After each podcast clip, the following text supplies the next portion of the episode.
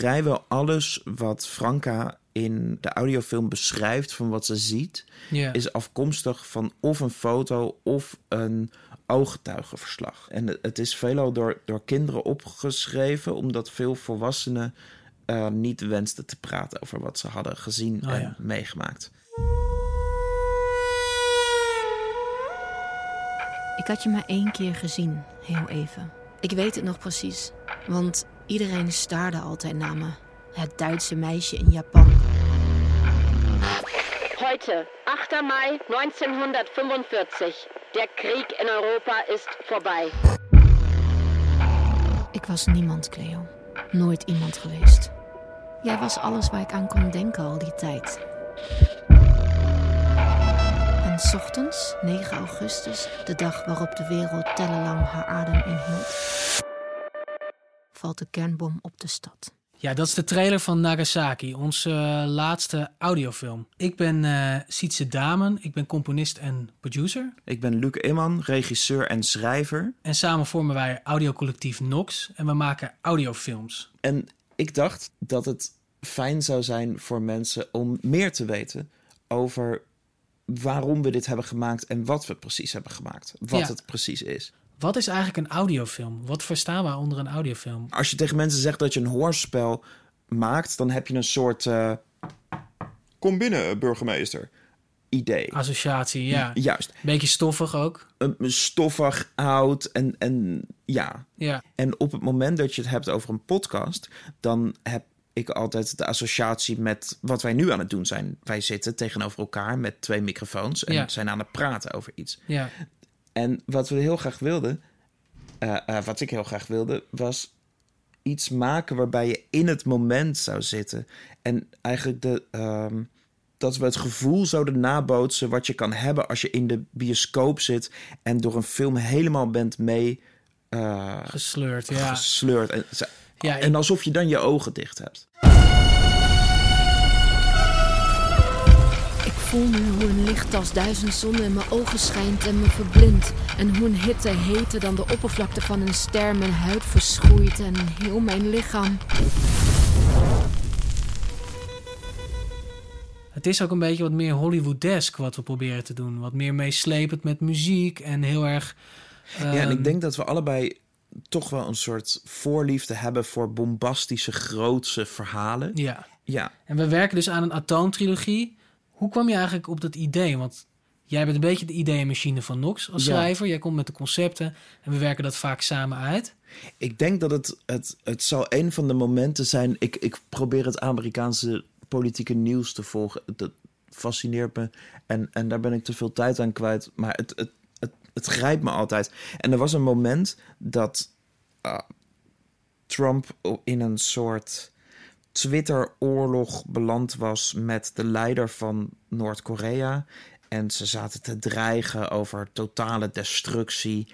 eh, wat eigenlijk impliciet altijd atoombommen eh, betekent. En ergens in diezelfde week waren er zorgen over het atoomprogramma van Iran. En was er opeens een, een, een schakelmoment in de wereld, vond ik. Dat het idee van het gebruik van een atoombom tegen een ander land, wat daarvoor als, als iets bizars was, werd opeens weer een reële mogelijkheid. Ben jij veilig? Ik ben gaan lopen, Cleo, om je terug te vinden. Jij bent mijn laatste hoop.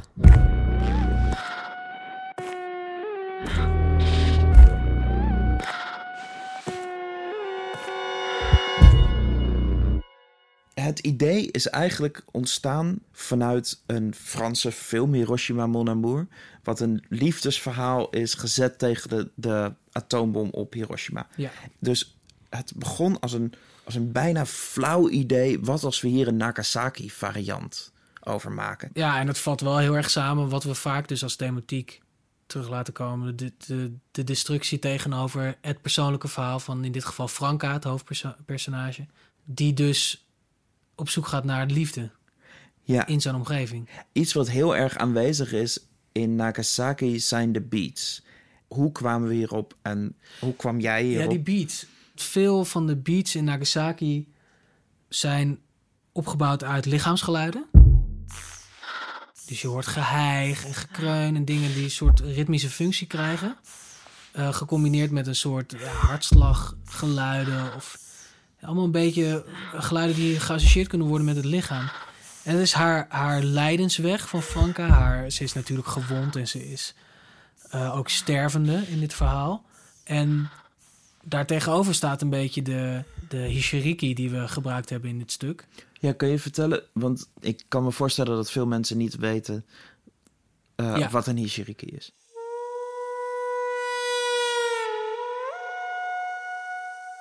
Uh, Japan kent best wel veel traditionele blaasinstrumenten. En de hishiriki is er eentje die stamt uit uh, de imperiale periode in Japan. En werd gebruikt aan het hof als een traditioneel instrument voor rites. gagaku heette dat. En ehm, het is een instrument in Japan wat heel erg. Ja, het klinkt eigenlijk een beetje als een soort rare saxofoon, vind ik altijd. Ja, ik vond het in de, de eerste keer dat je het luistert als puur instrument. Ja, is het best wel intens, hè? Ja, dus jij een soort zei... stervende eend. Absoluut, ja. het woord eend kwam ook bij mij terug. En, en jij zei dat je het wilde gebruiken en je stuurde me een stukje muziek ervan. En het eerste wat ik dacht, weet ik nog, was echt? Ja. Echt? Is dit wat je Dat was ook mijn eerste reactie. Maar naarmate ik allerlei instrumenten met elkaar had vergeleken... kwam ik toch telkens weer terug bij deze. Omdat het ook een heel bijzonder en aangrijpend geluid is. En het, het, wat me vooral greep aan de Hishiriki is de lore die er zeg maar omheen hangt. De legendes die, die de Japanners zelf er, ermee uh, verbinden. En dat is het wordt gezien als de vertolking van de ziel in Japan. En hoe heet de Hishiriki-speler die in Nagasaki te horen is? Nou, we hebben, we hebben gewerkt met een muzikant in Japan. In Nederland speelt niemand eigenlijk dit instrument.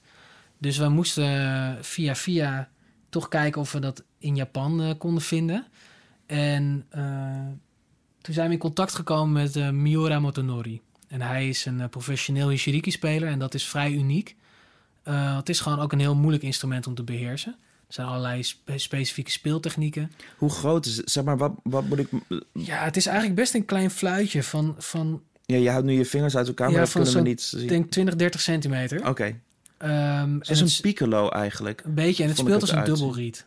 Oh, dat, dus dat zijn twee, twee rietjes op elkaar, zoals een uh, hobo ook. Uh, Oké. Okay. Zei hij niet dat hij had meegespeeld bij The Tale of Princess Kaguya? Ja. Een Studio Ghibli film? Ja. ja.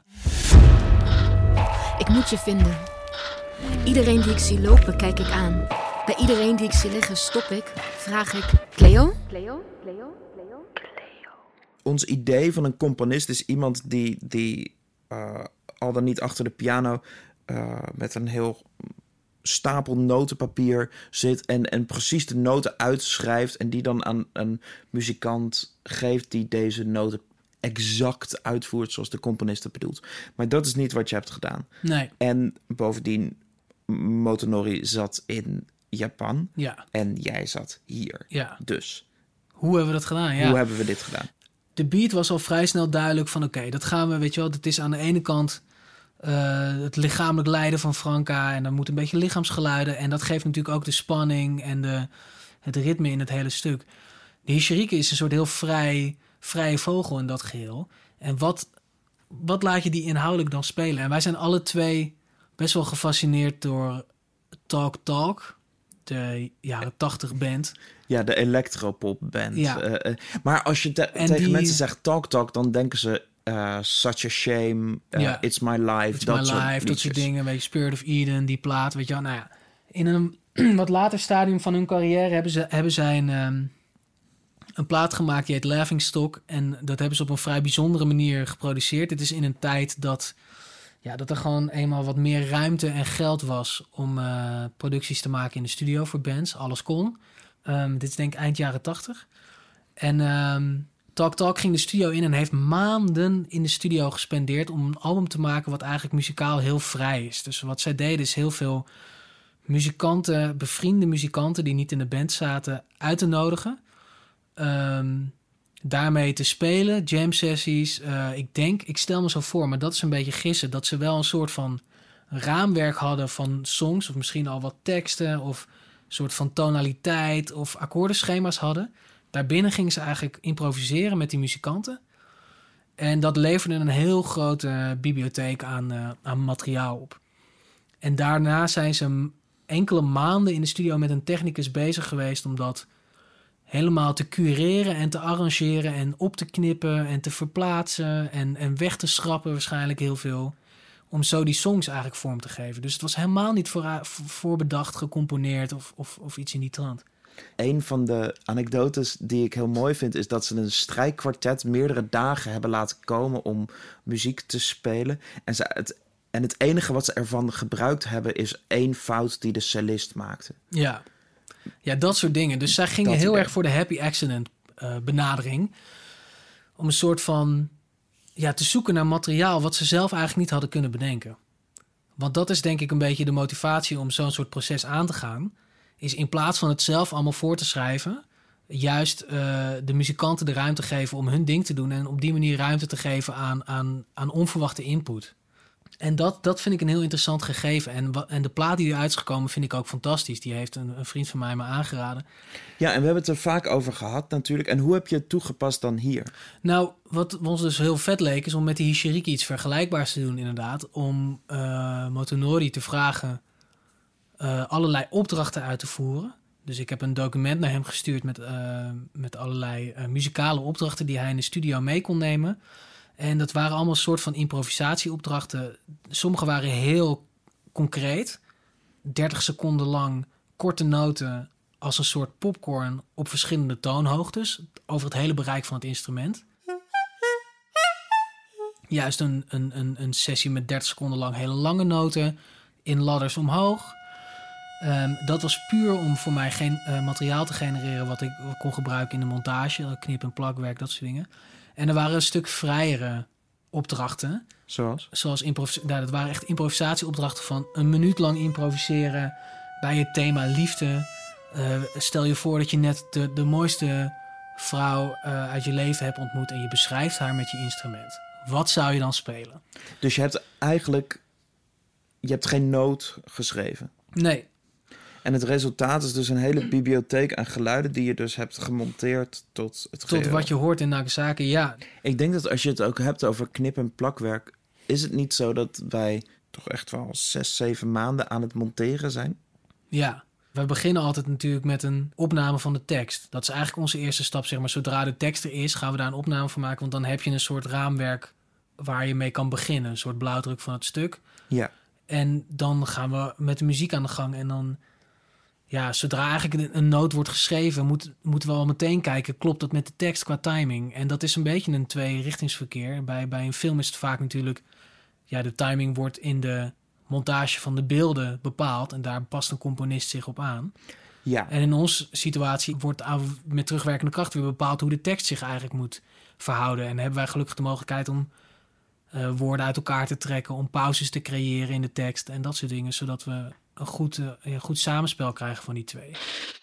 Altijd stil Still! en altijd keurig. Anständig! Volgde ik de regels. Halte dich an die Regeln! Gehoorzaamde ik iedereen. Frank gast hier! En de- ik denk dat we ook allebei houden van de film Birdman van Iñárritu, een Am- Mexicaans-Amerikaanse film over een acteur, gespeeld door Michael Keaton, die een soort inzinking beleeft Ja. vlak voordat hij zijn grote toneelstuk op Broadway gaat Beetje spelen. psychedelisch ook. Beetje psychedelisch. En de gehele soundtrack, in mijn gedachten in ieder geval, bestaat uit drums. En de film is geschoten op een manier waarop het lijkt dat het één lang shot is. Ja, En dus eh, eh, zei de regisseur, vertelde hij in een interview, dat hij met drums dus kon schakelen.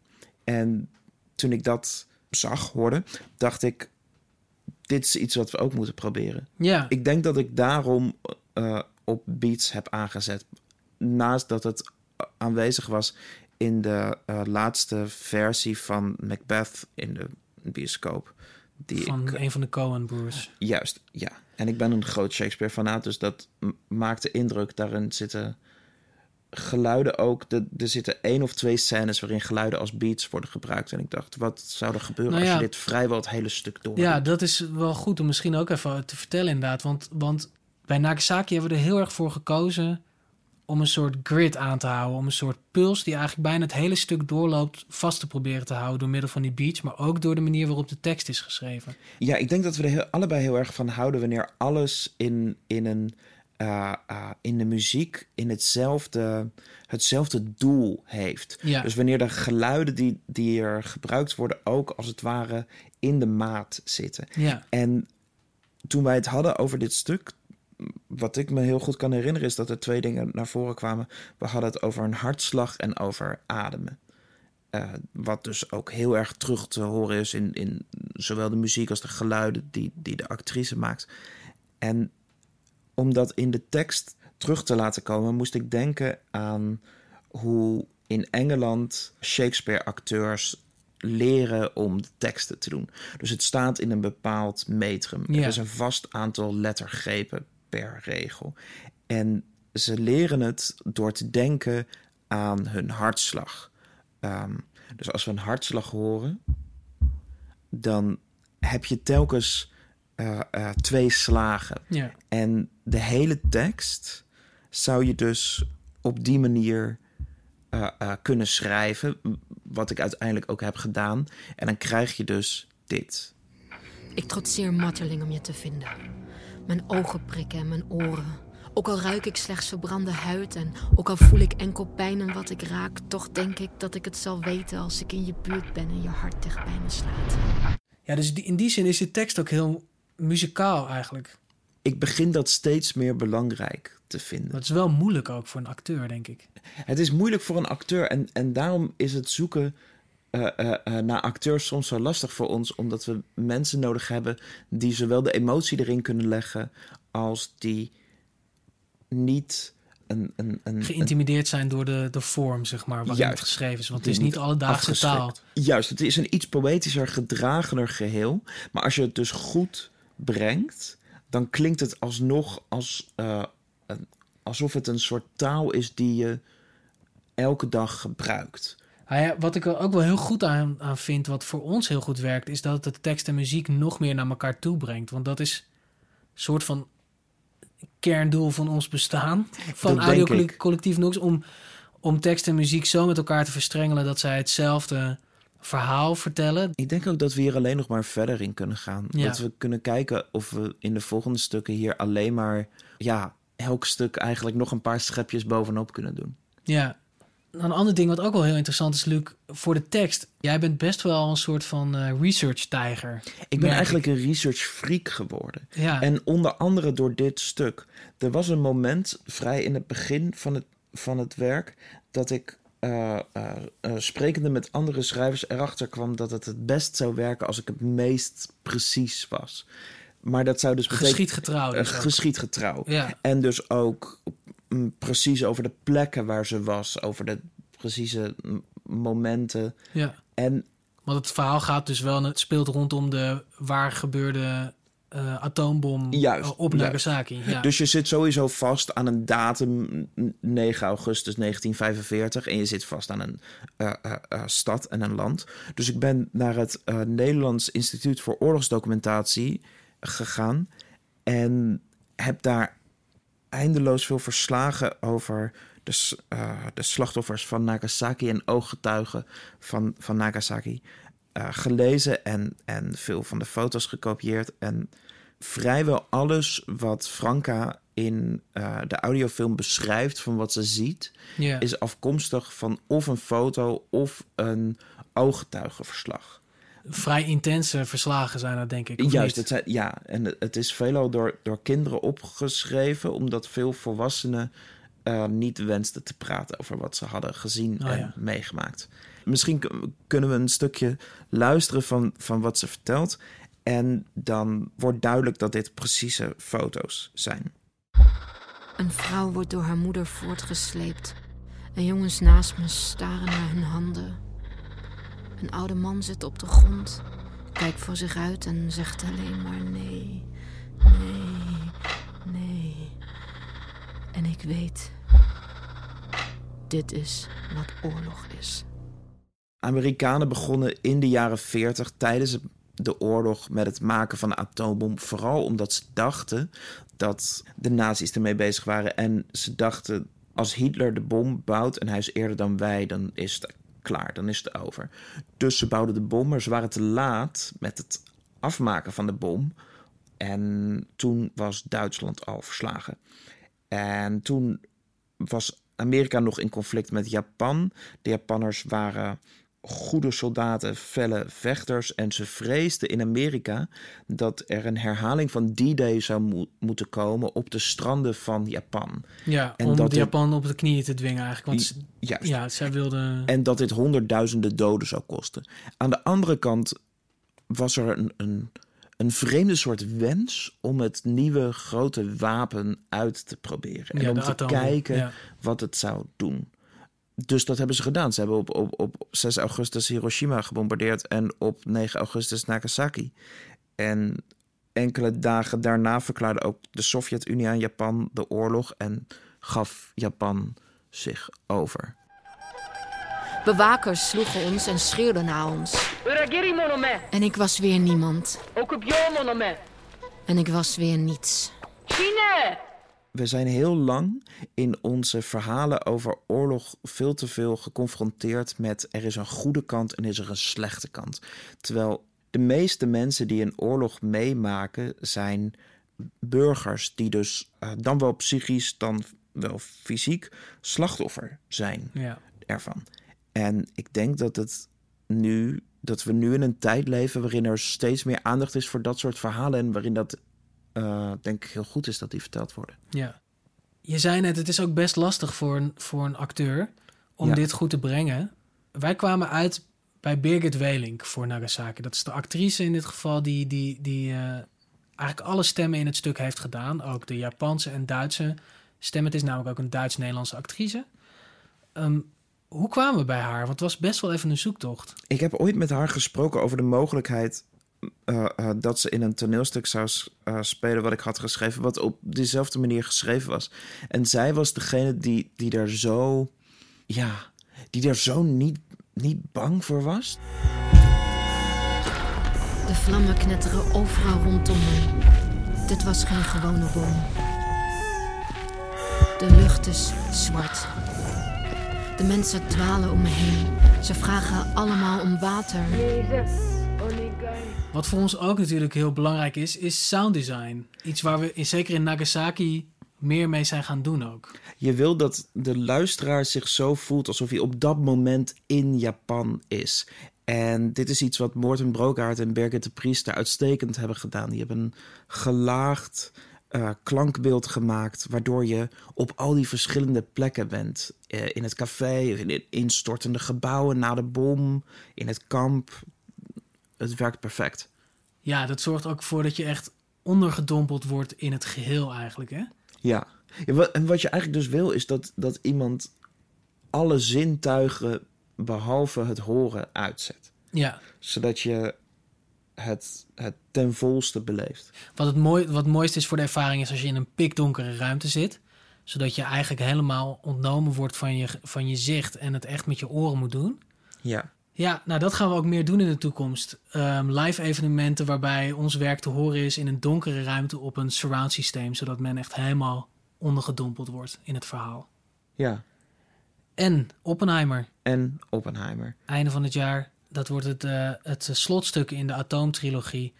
Nagasaki, als je die nog niet geluisterd hebt, is overal te luisteren op de streamers. Eh, evenals na het einde van de wereld, onze vorige productie. Geniet ervan, zou ik zeggen. Luister Nagasaki, de nieuwe audiofilm van Nox.